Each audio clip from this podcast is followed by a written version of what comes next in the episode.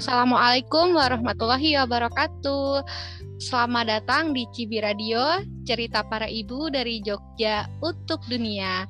Hai Sobat Cibi semua, bertemu lagi dengan saya Adelia Oktora. Di sini saya akan menjadi host atau pembawa acara untuk acara talk show Cibi bulan Desember. Apa kabar semuanya? Semoga di mana pun berada, uh, sehat selalu ya. Kita harus jaga kesehatan nih di masa yang sering hujan, sering panas, gitu harus jaga kesehatan.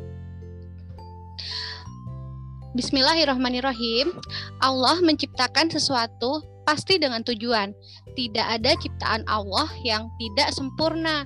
Bagaimana ketika ada keluarga yang memiliki dengan anak dengan kebutuhan khusus?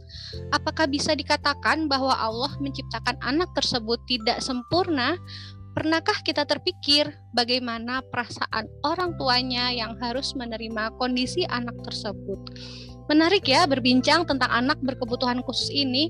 Maka dari itu, tema talk show Cibi Radio bulan ini adalah Ibu luar biasa untuk anak luar biasa. Nah, alhamdulillah bersama kita hari ini ada Mbak Tias Amanda. Nah, Mbak Tias ini akan menemani kita selama setengah jam ke depan ya, setengah jam atau lebih. Saya sapa dulu Mbak Tiasnya. Assalamualaikum. Halo Mbak Tias. Waalaikumsalam warahmatullahi wabarakatuh. Halo, halo semuanya pendengar. Apa kabar? Ya, alhamdulillah ya Mbak. Baik-baik aja. Kalau saya baik-baik oh. aja. Oh. Alhamdulillah biasanya kalau ditanya kayak gitu jawabnya gimana anak-anak? Alhamdulillah luar, luar biasa. biasa. Alhamdulillah luar biasa senyum ceria. Nah kalau tempat saya ada tambahannya okay. nih Mbak. Boleh boleh boleh boleh. Nah uh, kalau saat ini ya Mbak Tias uh, boleh tidak bercerita dulu tinggal di mana, kemudian uh, putranya berapa?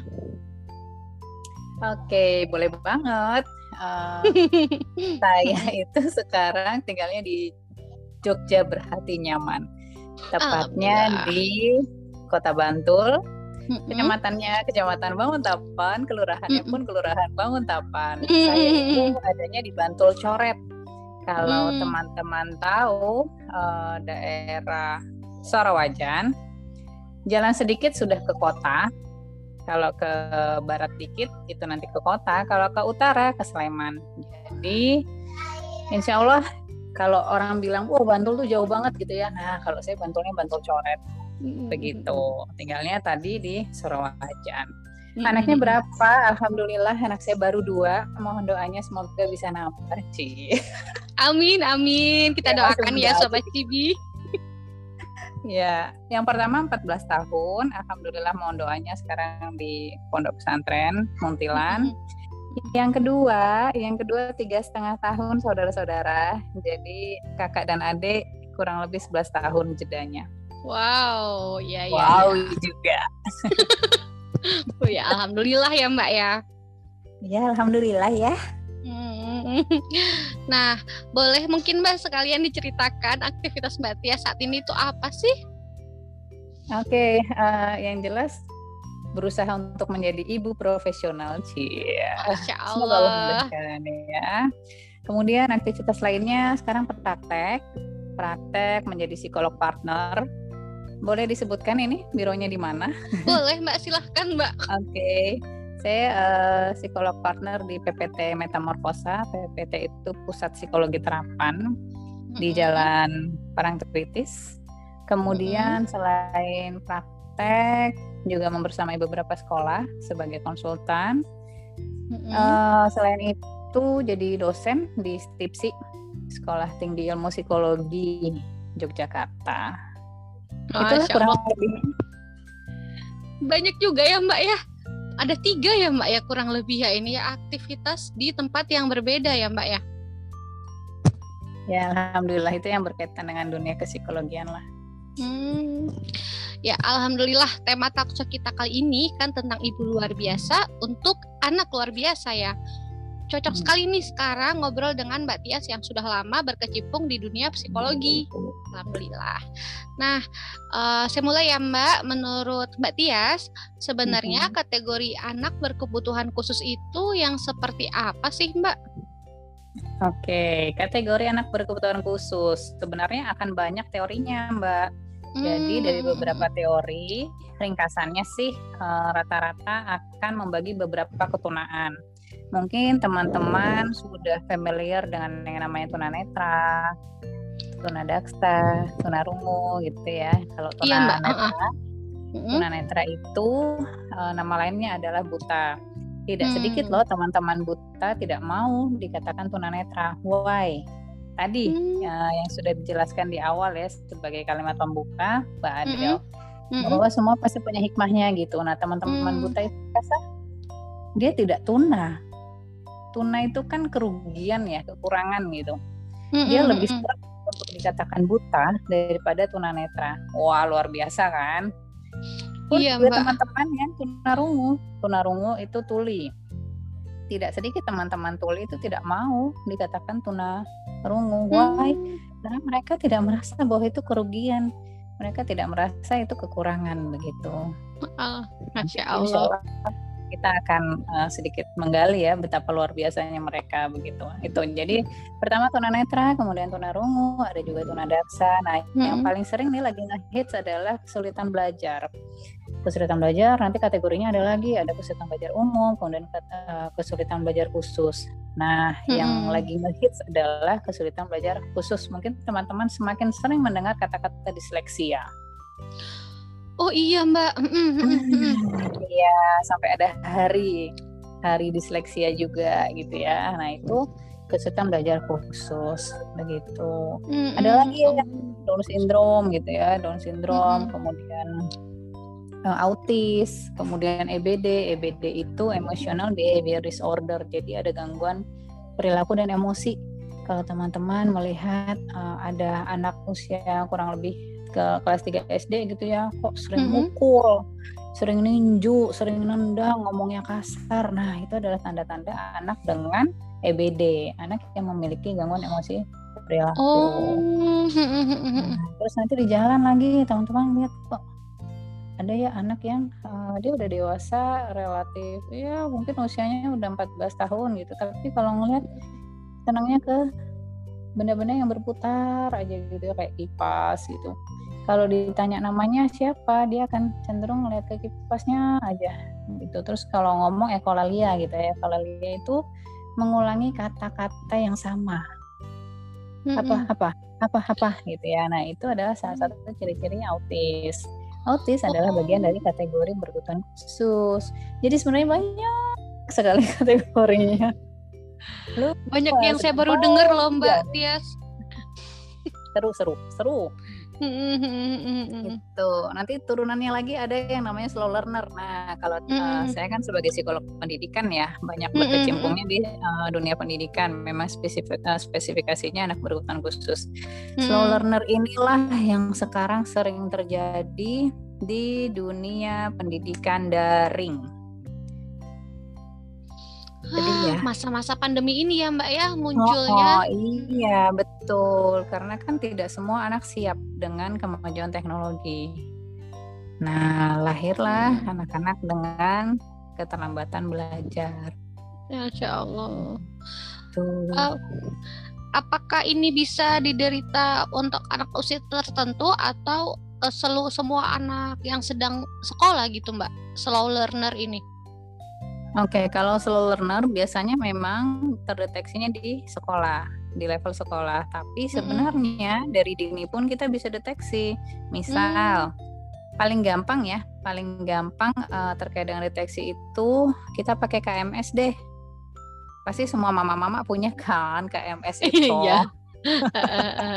nah di KMS itu kan ada deteksi selain uh, tinggi badan, berat badan, tapi ada gimana mm-hmm. sih kemampuan emosinya, gimana kemampuan kognitifnya, mm-hmm. ya. Nah dari situlah mm-hmm. kita bisa tahu kok anak yang harusnya nih sudah bisa menata balok tiga tingkat, kok anakku belum bisa ya, gitu. Mm-hmm.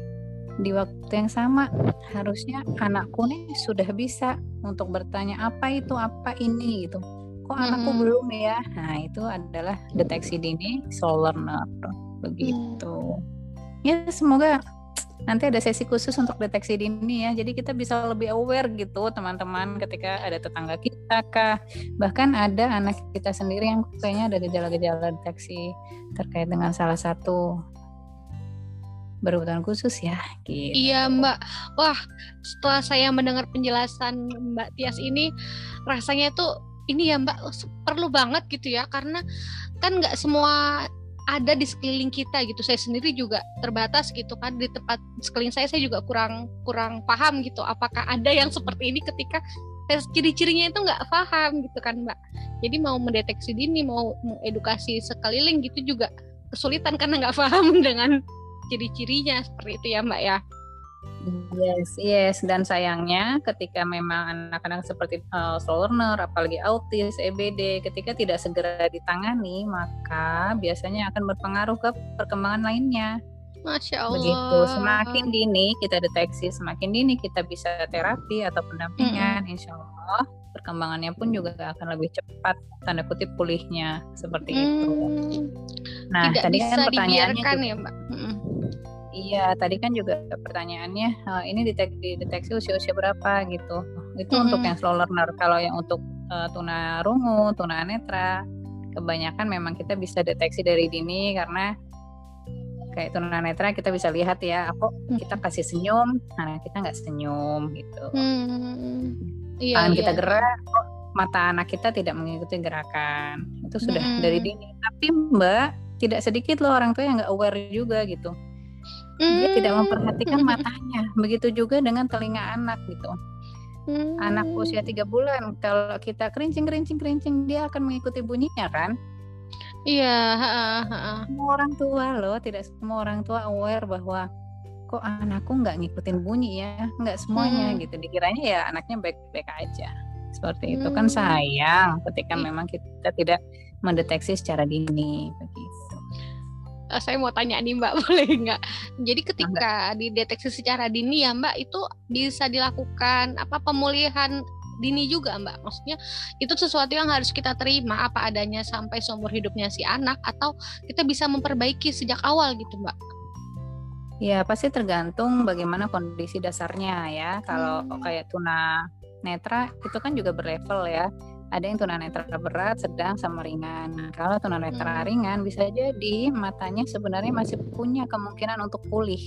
Itu hmm. yang tadi saya hmm. bilang sejak dini kita ketahui, maka hmm. kan jaringan mata anak itu lebih cepat uh, baiknya ya daripada ketika sudah dewasa gitu atau oh. uh, sudah beranjak tiga tahun.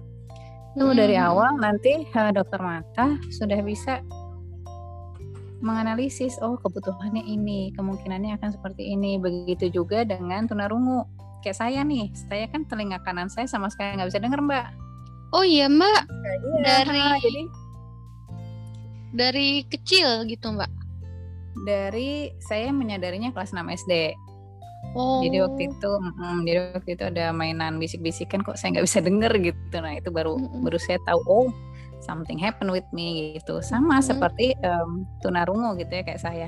Misalkan kalau uh, levelnya ringan desibelnya masih memungkinkan untuk dilatih. Entah itu pakai hearing aid entah itu vitamin-vitamin tertentu atau hmm. sampai operasi. Penanganannya semakin dini ketika memang kasusnya ringan semoga tidak menjadi sedang atau bahkan berat. Begitu. Nah, aduh aku ngalir banget ini sama penjelasannya Mbak Tias, masya Allah. Mbak saya lanjut lagi pertanyaannya ya Mbak. Nah ya, selain fasilitas berupa sekolah luar biasa, pendampingan yang biasanya diberikan pada anak berkebutuhan khusus itu apa aja Mbak? Oke, sebenarnya begini ya, yang namanya pendidikan pendidikan anak kebutuhan khusus itu macam-macam. Paling tidak ada dua, formal dan non formal. Ya. Mm -hmm. Nah, untuk anak berkebutuhan khusus sendiri itu uh, sekolahnya bukan hanya SLB. Bahkan ada anak yang berkebutuhan khusus, kebutuhannya bukan di SLB. Saya ulangi ya. Bukan di SLB ya. Betul. Betul. Tidak semua anak autis kebutuhannya ada di SLB. Hmm. Tidak semua anak tunarungu kebutuhannya ada di SLB, ya. Saya ulangi. Tidak semua anak berkebutuhan khusus, ya. Kebutuhannya ada di SLB. Sepertinya penting okay. banget ya ini Mbak Tias ya. Hmm, kebanyakan orang yang memang melihat, eh kok anaknya begini sih, kok anaknya begitu, ah udah di SLB-in aja gitu. Padahal ketika dia di sekolah yang sesuai dengan kebutuhannya dia, uh perkembangannya malah bisa jauh lebih pesat. Bahkan jauh lebih baik dibandingkan SLB.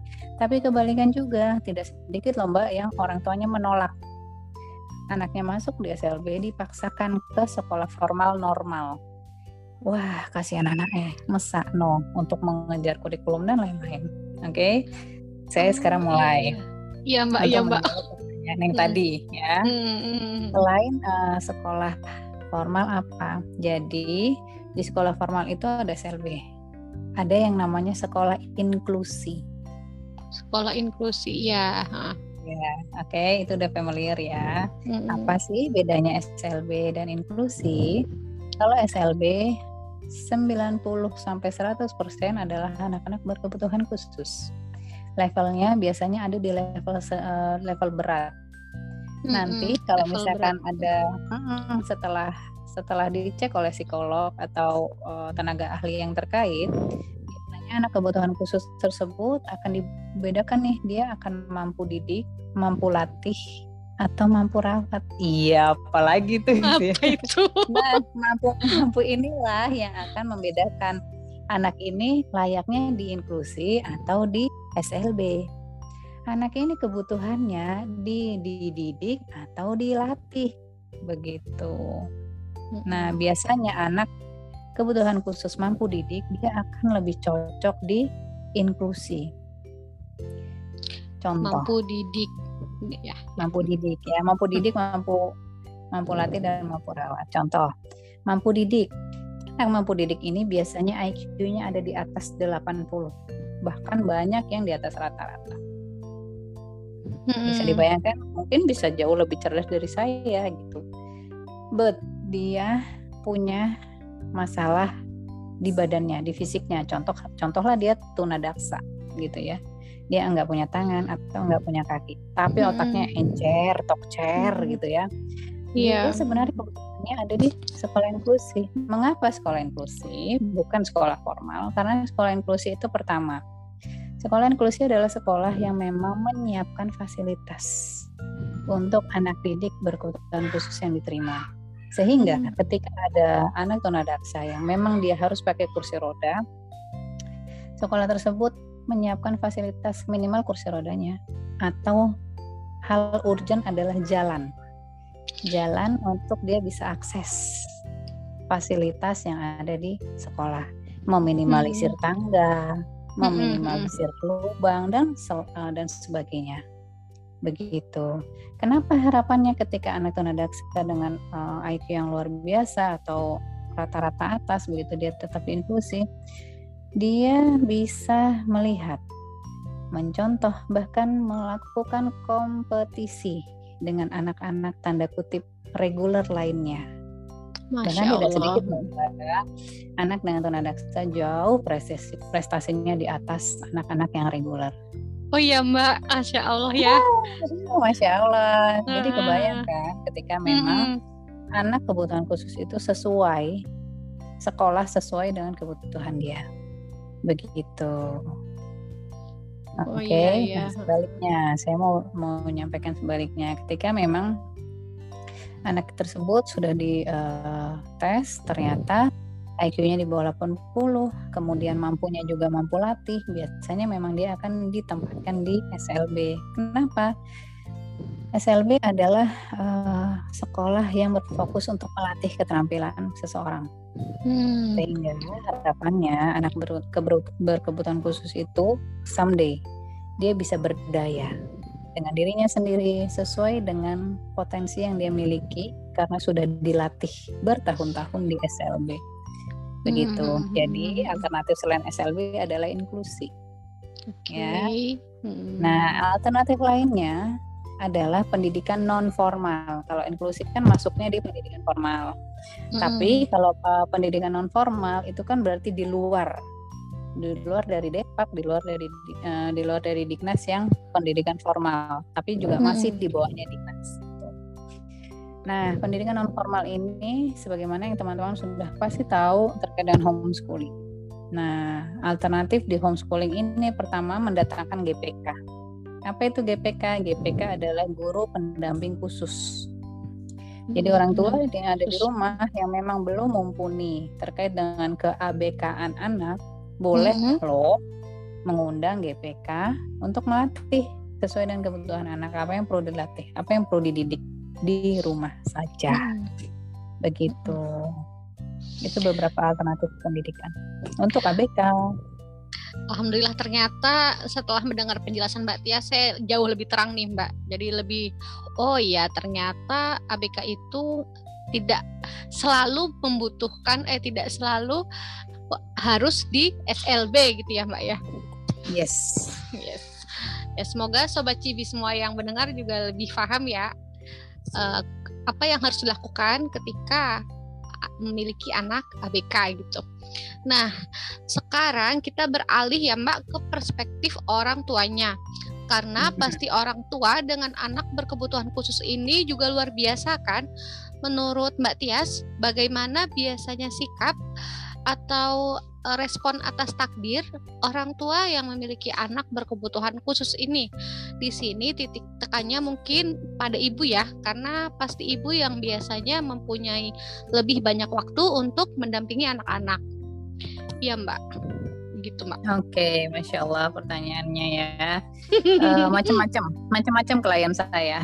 Uh, oh iya. Tapi, uh, tapi saya paham ya, saya paham overall. Saya pun seorang ibu, ibu mana sih gitu ya yang tidak ingin memiliki anak yang sempurna, yeah. sempurna akalnya, sempurna perilakunya, sempurna fisiknya, begitu ya. Ibu mana yang mm -hmm. tidak ingin ya? Nah, mm -hmm. apakah anak luar biasa ini tidak sempurna? Oh, oh, tunggu dulu gitu ya. Saya tetap yakin uh, Allah itu menciptakan semua sesuai dengan fitrahnya Nah, fitrah itu kan turunannya pasti ada potensinya gitu ya. Seperti itu. Sehingga sejauh yang saya bersamai klien-klien yang mampu menerima takdir. Ya. Masya Allah. itu biasanya akan jauh lebih cepat, lebih pesat perkembangan anaknya dibandingkan orang tua yang denial. Oh, begitu, Mbak. Biasanya kalau saya ketemu dengan orang tua yang denial justru yang saya utak-atik adalah orang tuanya dulu. Sebelum ke anaknya. Lebih penting itu ya mbak ya betul. Karena saya sepakat itu anak anak bahagia itu berawal dari orang tua yang bahagia pula gitu. Dan kesuksesan anak itu tidak jauh-jauh dari bagaimana orang tuanya mendampingi. Sehingga kembali ke pertanyaan tadi terkait dengan takdir. Saya uh, sering mengatakan begini boleh jadi loh uh, justru anak ini yang akan menarik ibu dan bapak ke surga. Bukan sebaliknya ya Allah terharu saya mbak. Masya Allah ya. Saya saya tahu jadi orang tua uh, dengan anak luar biasa itu harus menjadi orang tua yang luar biasa. Dan berawal dari bagaimana bisa menerima takdir itu. Itu yeah. dulu justru.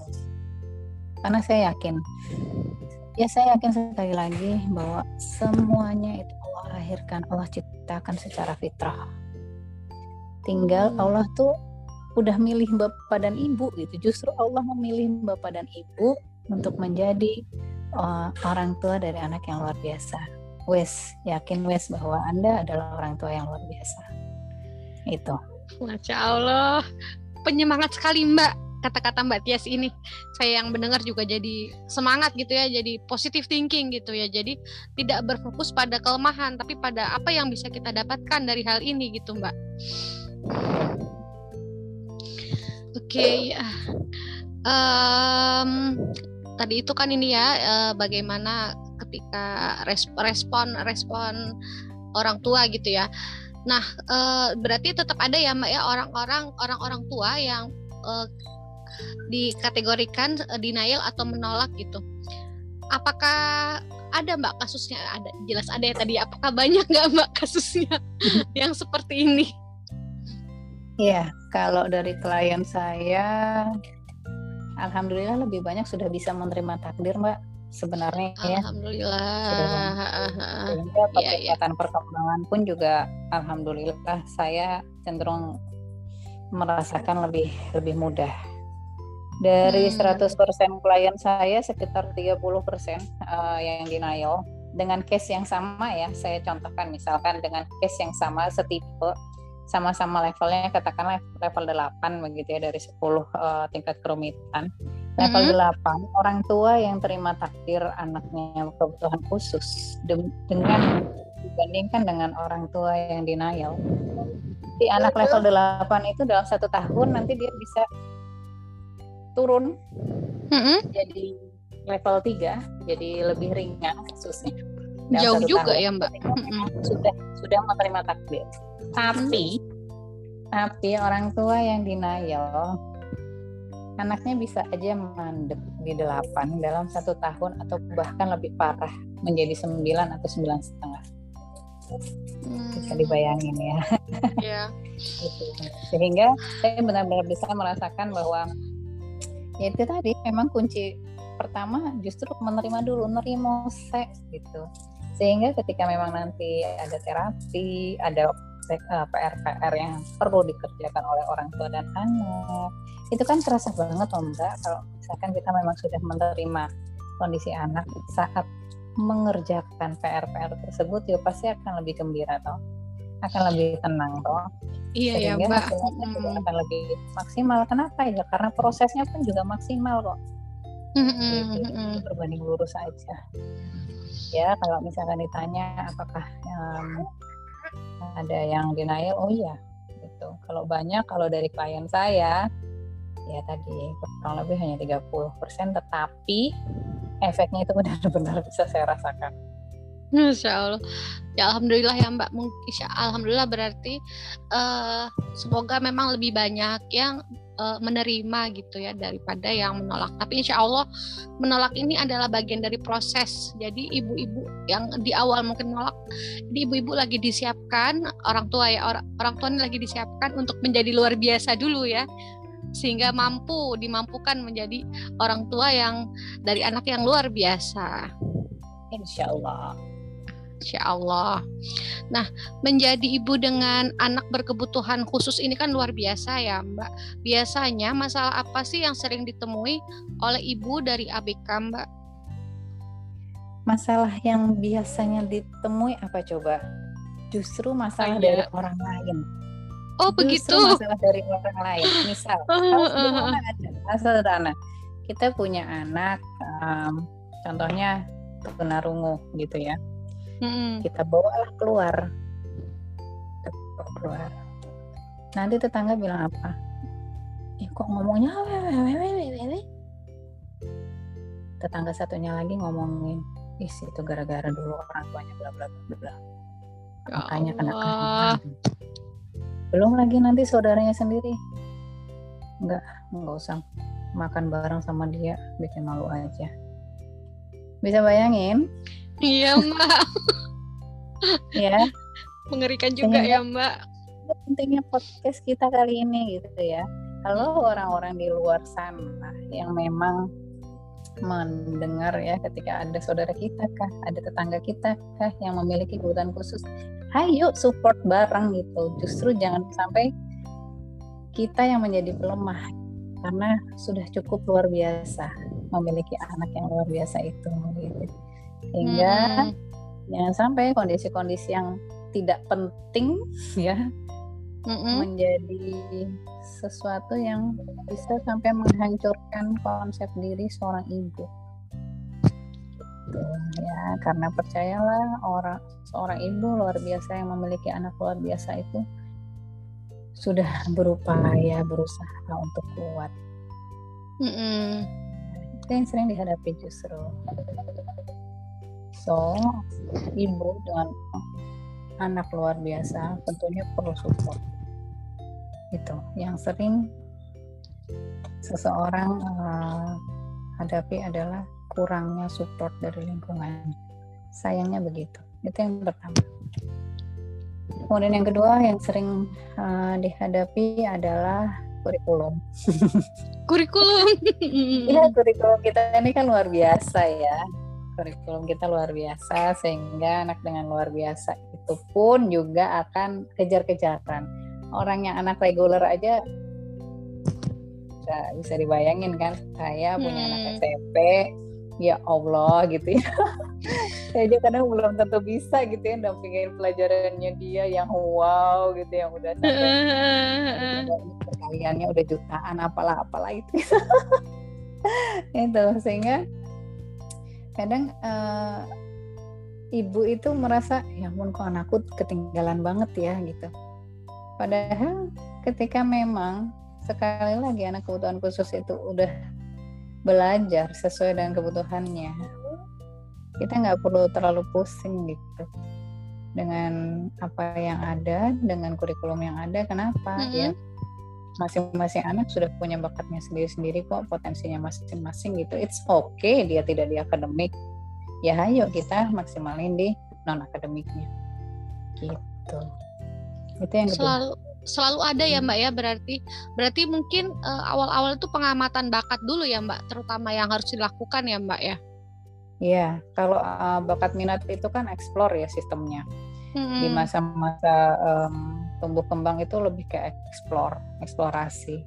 Hmm. Jadi di masa emas itu pula yang kita uh, harapkan kita bisa eksplorasi maksimal bakat minat anak itu ada di mana. Walaupun hmm. nanti pasti akan tetap sambil jalan. Oke. Okay. Hmm.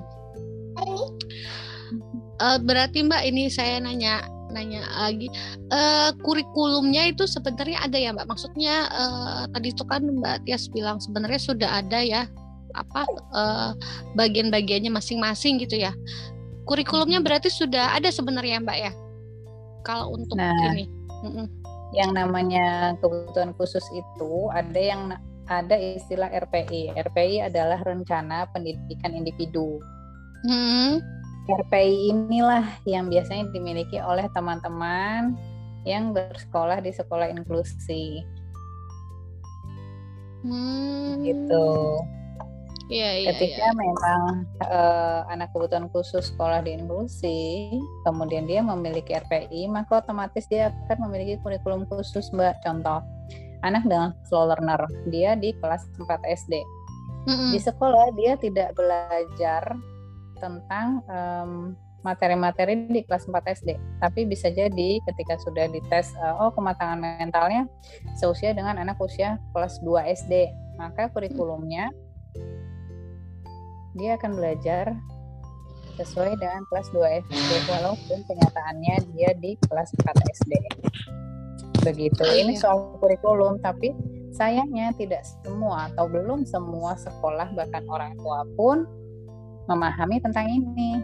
Hasilnya apa? Ya tadi pusing dengan kurikulum. Ya gimana nggak hmm. pusing? Luar biasa kan kemampuannya sebenarnya di kelas 2 SD, tapi dia harus lulus belajar. Tidak cocok ya Mbak ya?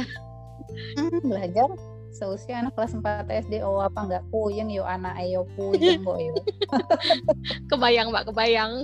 Anaknya puyeng. Uh, gurunya stres juga orang tuanya juga. Kan karena iya. ada target ya mbak namanya kurikulum itu. Betul. Nah ini yang sering sekali dihadapi baik oleh orang tua maupun uh, guru hmm. sehingga ya ketika psikotes barulah ketahuan gitu. Oh alah ternyata masalahnya ada di sini toh. Hmm uh, kira-kira Mbak untuk orang tua yang mengalami kesulitan seperti ini uh, itu menurut Mbak Tias penyikapan apa yang harus dilakukan ya untuk ibu yang memiliki uh, kebutuhan khusus ini kayak gitu? Oke. Okay. Penyikapan ya, yang pertama adalah belajar, belajar dan belajarlah. Itu poinnya. Belajar. Ya, belajar, belajar, belajarlah gitu. Karena uh, insya Allah dengan Semangat belajar yang tinggi akan selaras dengan bagaimana kita menyikapi apa pun yang terjadi pada kita. Oke, okay, itu yang paling pertama. Kemudian yang kedua, saya rekomendasikan sebentar, Mbak.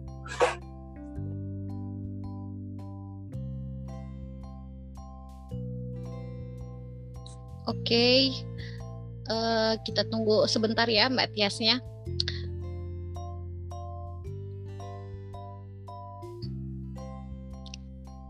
Tadi kita sedang membahas tentang penyikapan ya, apa yang harus dilakukan ibu yang memiliki kebutuhan khusus ini. Nah, eh, sebenarnya kan tadi sudah diterangkan juga sama Mbak Tias ya masalah masalah-masalah yang sering ditemui itu adalah saya ulangi lagi nggak apa-apa ya. Itu adalah eh, omongan orang dan kurikulum gitu. Nah, kalau masalah omongan orang ini sebenarnya tidak hanya ibu-ibu dengan berkebutuhan khusus saja ya yang mengalami masalahnya karena hampir semua aspek ketika sudah menjadi omongan orang itu menjadi seru sekali ya. Jadi sering sekali hidup kita itu justru tidak nyaman karena kita terlalu banyak mendengarkan omongan orang lain seperti itu. Kita tidak bisa mengendalikan nih omongan orang lain. Tidak bisa kita paksa untuk berhenti seperti itu. Jadi yang bisa kita kendalikan adalah respon kita sendiri. Begitu kalau uh, ketika kita mendapatkan apa uh, omongan yang tidak tidak sesuai dengan harapan. Nah, halo Mbak Tias. Yes, saya hadir kembali. Mohon maaf. Iya, iya Mbak, nggak apa-apa. Siap. mobilan. Mm-hmm. Oke, okay. saya lanjutkan tadi ya yang terkait dengan penyikapan. Kan iya, tadi Mbak. saya sampaikan orang tua belajar, belajar dan belajarlah gitu ya, mm-hmm. karena insya Allah selaras dengan uh, penyikapannya. Nah, berkaitan dengan belajar itu pula, disikapi anak uh, dengan kebutuhan khusus sesuai dengan ilmu yang ada biasanya. Memang kita perlu memahami dulu apa sih potensi anak kita. Ketika kita menyikapi potensi, otomatis kita akan lebih menyikapi sesuatu dengan positif. Mencari celah-celah positif, mencari celah-celah kebaikan sekecil apa pun itu, insya Allah itu akan membantu kita selaku ibu untuk menyikapi anak luar biasa kita menjadi semakin luar biasa. Kusnudun bilah ya Mbak ya. Masya Allah. Wah istilahnya bisa saya catat ini. ya, sama aja kan ber, berpikir positif gitu ya. Oke oke iya, oke. Begitu. Oke. Mungkin Mbak Tias bisa berbagi tips uh, atau stimulasi ya mendidik anak berkebutuhan khusus sehingga bisa berhasil Kira-kira gimana nih Mbak? Oke, okay. kalau sudah soal stimulasi ini um, sebenarnya paling seru ya. Tapi karena wow. memang stimulasinya macem-macem, tergantung hmm. dengan kebutuhan khusus, maka saya akan cuplik, cuplik, cuplik, cuplik aja, ya. Oke, okay, siap. Uh, uh, anak dengan kesulitan belajar khusus, salah satu contohnya ada, adalah disleksia. Saya cuplik uh, yang sedang ngehits ya disleksia. Tipsnya apa? Yang paling pertama adalah kita pahami dulu sebenarnya secara neuro neurologisnya anak disleksia itu seperti apa. Oh, ternyata anak disleksia itu ketika melihat huruf, ketika melihat angka, angkanya seperti berterbang-terbangan gitu ya. Sehingga ketika kita memang sudah paham, oh kondisi neurologisnya seperti itu, kita akan meminimalisir memaksa anak. Tips yang pertama adalah tidak memaksa anak untuk segera bisa baca tulis untuk anak disleksia. Tidak, okay. tidak Kemudian memaksa anak. Yes. Okay. Kemudian yang kedua, tipsnya adalah berikan penanganan secara multisensori. Apa itu multisensori? Multisensori itu adalah sebuah penanganan ke anak kebutuhan khusus dengan memaksimalkan lima panca indera. Baik itu melihat, baik itu mendengar, entah itu mencium ataupun meraba seperti itu ya. Caranya gimana? Misal nih, tips untuk anak uh, disleksia yang akan membedakan B Bravo dengan D delta gitu ya.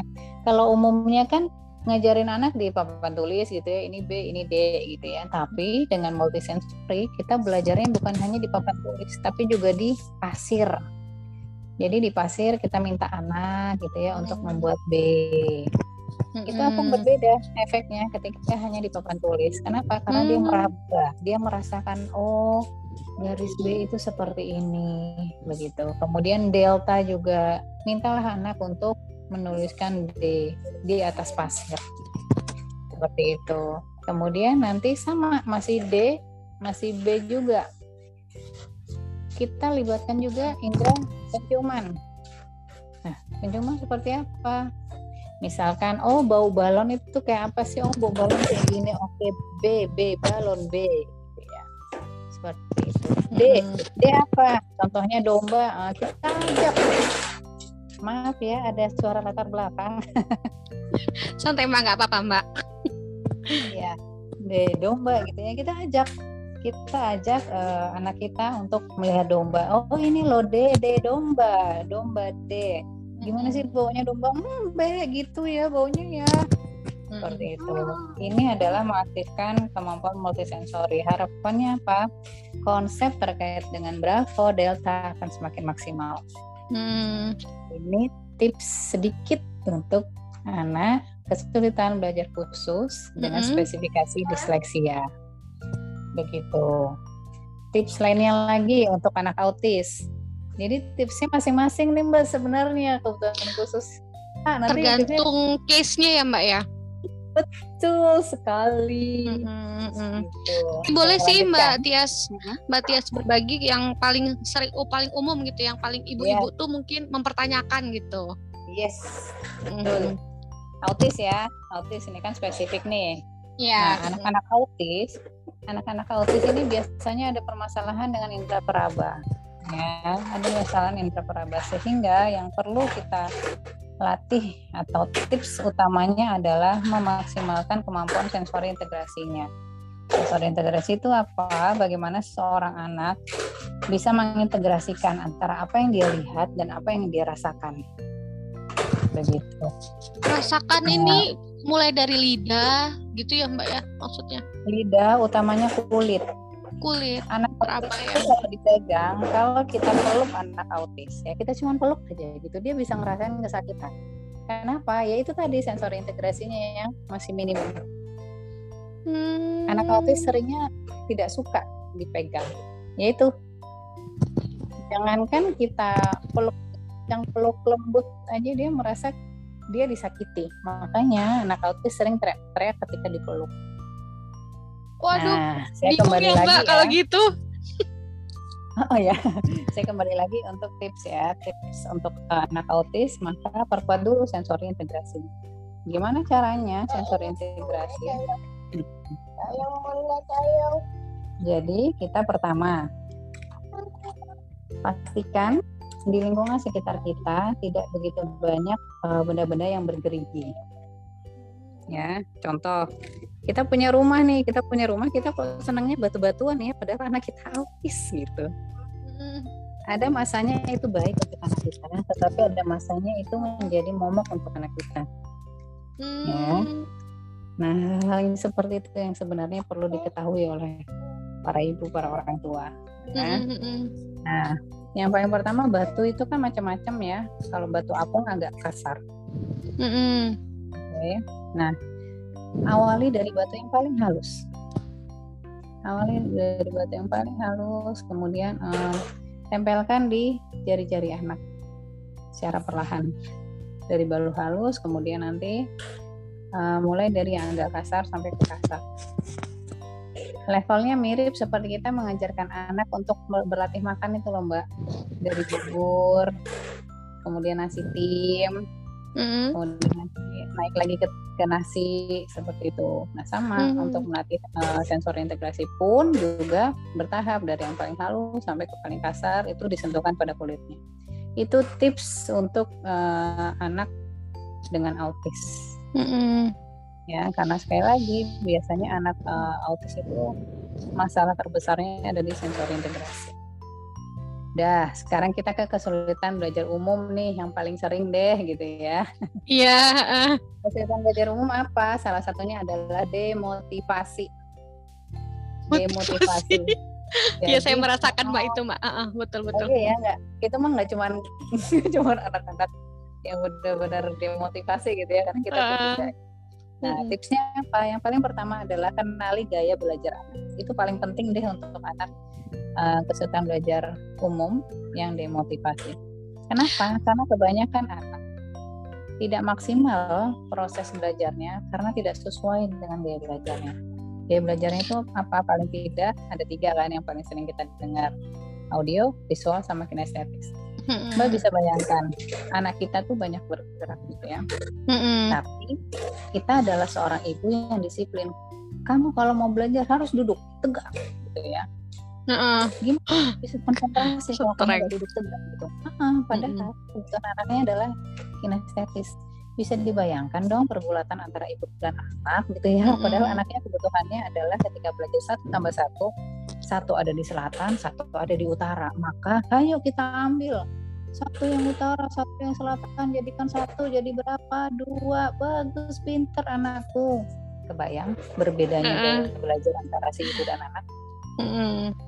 Ya, sehingga sekali lagi ketika memang seorang anak mengalami de demotivasi, ayo kita evaluasi lagi. Udah sesuai belum gaya belajarnya? Dengan gaya belajar anak. Itu ya yang pertama. Kemudian yang kedua kalau di uh, psikologi itu ada yang namanya uh, token ekonomi ya. Token ekonomi yang paling sering dilakukan. Yang paling sering dilakukan di dunia nyata adalah reward atau poin bintang. Mungkin hmm. udah udah sering dengar ya nah, sering dengar mbak yes itu adalah salah satu tips yang sering dilakukan oleh mama-mama kekinian ibu-ibu hmm. kekinian itu ya, ibu bisa diberikan ke anak untuk melatih meningkatkan motivasi anak untuk bisa belajar. Caranya gimana? Caranya misalkan adik, kalau misalkan hari ini adik belajar darinya semangat. Semangat itu tandanya apa? Tandanya jam 6 adik udah bangun, udah siap-siap nih untuk belajar gitu ya. Mm -hmm. adik sudah siap dengan seragamnya. Aku siap bunda gitu ya. Nah, nanti adik belajar sampai jam 8 kan tuh lihat jam 8 adalah jarum jamnya 8 adalah gitu ya mm-hmm. ya sampai selesai adik bisa ikut kegiatan daring adik bisa dapat satu bintang. Nanti kalau adik selama satu pekan dari hari Senin sampai hari Jumat misalnya ya mm-hmm. sekolahnya Senin sampai Jumat dapat bintang jadi ada lima bintang. Di hari Sabtu adik bisa tuker bintang itu jadi hadiah. Nah, itu adalah salah satu tips bagaimana kita meningkatkan motivasi anak belajar bagi anak-anak yang mengalami demotivasi. Hmm. Gitu.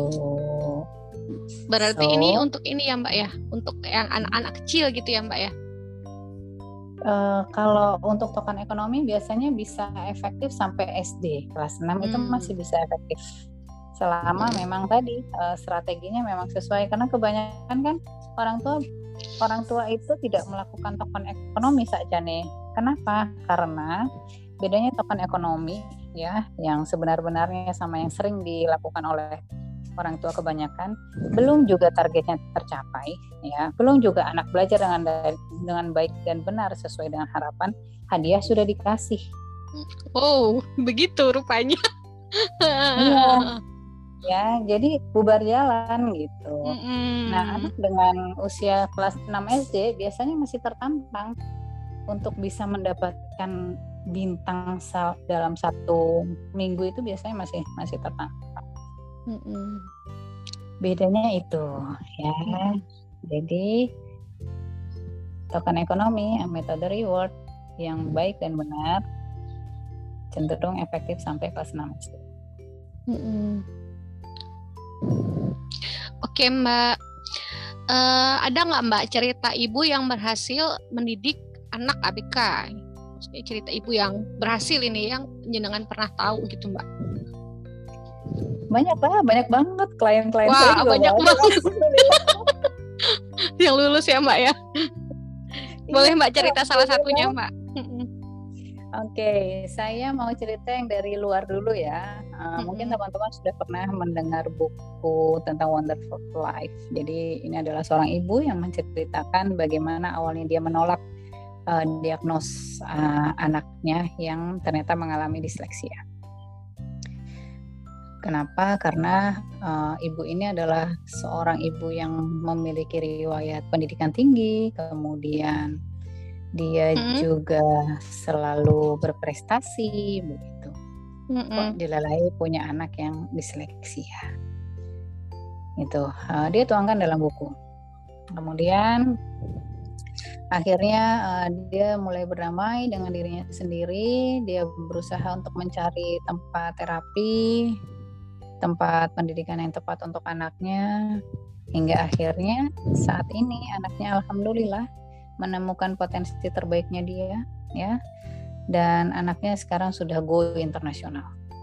Masya ini adalah kisah nyata dan dia tuangkan di dalam buku ya. Semoga teman-teman juga bisa belajar dari buku itu. Bisa menjadi inspirasi ya Mbak ya. Dan sudah difilmkan ya, sudah difilmkan. Oh iya, Wonderful Life. Kemudian kalau klien-klien saya sendiri udah banyak alhamdulillah. Sekali lagi kebanyakan klien saya berhasil bermula dari menerima kondisi anaknya. Ya. Keberhasilannya ada di mana ketika memang dia bisa menerima, biasanya kesabarannya pun akan jauh lebih tinggi. Sabaran ketika menjalani hari-hari, ketika harus tadi mengerjakan pekerjaan rumah, terkait dengan terapi-terapinya begitu. Dan ini bukan hal yang mudah, bukan hal yang mudah ya. Karena beberapa anak kebutuhan khusus kan perlu diet ya, perlu diet, uh, tepung, susu. Kebayangkan ketika seorang ibu lagi lebaran gitu pengennya bikin kue-kuean gitu. Udah nanti biasanya khususnya untuk anak dengan kasus gangguan emosi dan perilaku ya habis lebaran atau habis liburan itu bubrah lagi anaknya. Itu sehingga uh, seperti roller coaster. Seorang ibu yang menjalani uh, kehidupan dengan anak luar biasa dengan kasus tertentu dan akhirnya bisa sampai di satu titik aku lulus. Alhamdulillah anakku sudah tidak pernah lagi masuk BK karena perilaku dan emosinya dia. Masya Allah.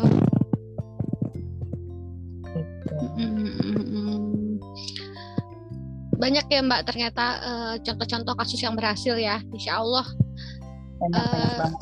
Banyak banget. Uh, jadi kita tidak boleh fokus pada kelemahan tadi itu ya kita harus uh, berpositif thinking terus kita pasti akan berhasil juga misalkan uh, memiliki anak kebutuhan khusus gitu ya Yes, yes. Uh, dan alhamdulillah uh, untuk kebutuhan khusus juga sudah ada payung hukumnya sendiri kok. mm-hmm. ada payung payung undang-undang pendidikannya juga. Kemudian mm-hmm. di level pemerintahan pun juga sudah ada yang menjabat sebagai uh, apa namanya asisten muda. Asisten muda di kementerian juga ada khusus. Masya Allah. Uh, anu ya Mbak didukung ya berarti ya? Yep. berpihak berpihak cukup berpihak kepada orang-orang yang berkebutuhan khusus gitu ya pemerintah Indonesia.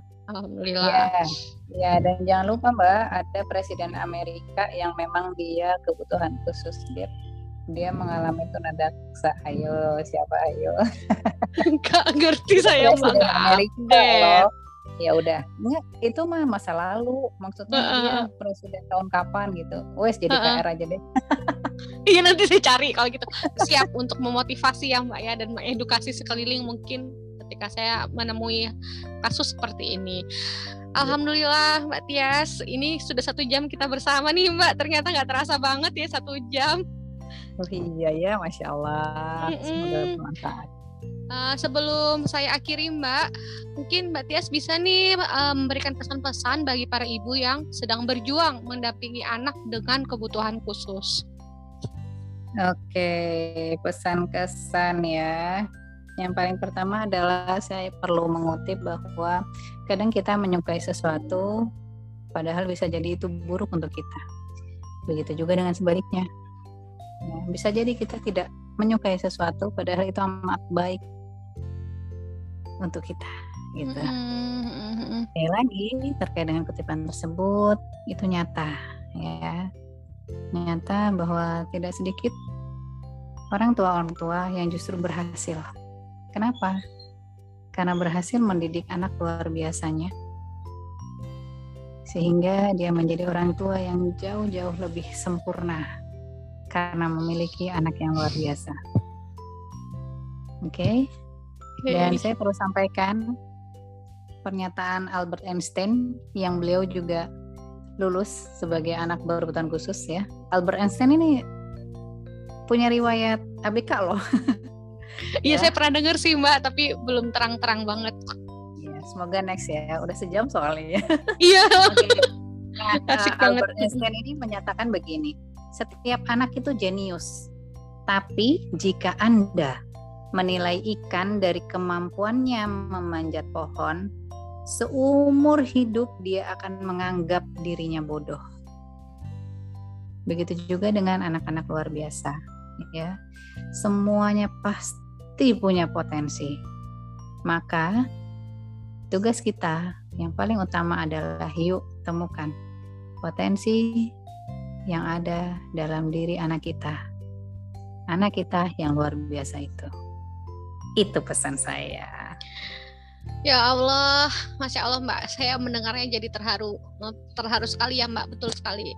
Kita tidak bisa menilai uh, dari satu aspek yang mana itu malah bukan uh, bakat anak tersebut gitu ya Mbak ya. Oke, okay. uh, eh, alhamdulillah sudah selesai ya program talk show kita bulan ini Sobat Cibi semua. Uh, Mbak Tias juga sudah memberikan pesan-pesan Terakhir, semoga apa yang kami sampaikan hari ini bermanfaat untuk Sobat Cibi semua. Sampai jumpa lagi talk show Cibi Radio bulan depan, yaitu tahun depan ya berarti 2022. Saya tutup. Wabillahi taufiq wal hidayat. Mohon maaf bila ada kata yang tidak berkenan. Wassalamualaikum warahmatullahi wabarakatuh. Waalaikumsalam warahmatullahi wabarakatuh. Salam sobat-sobat cibi cibi cibi. Salam.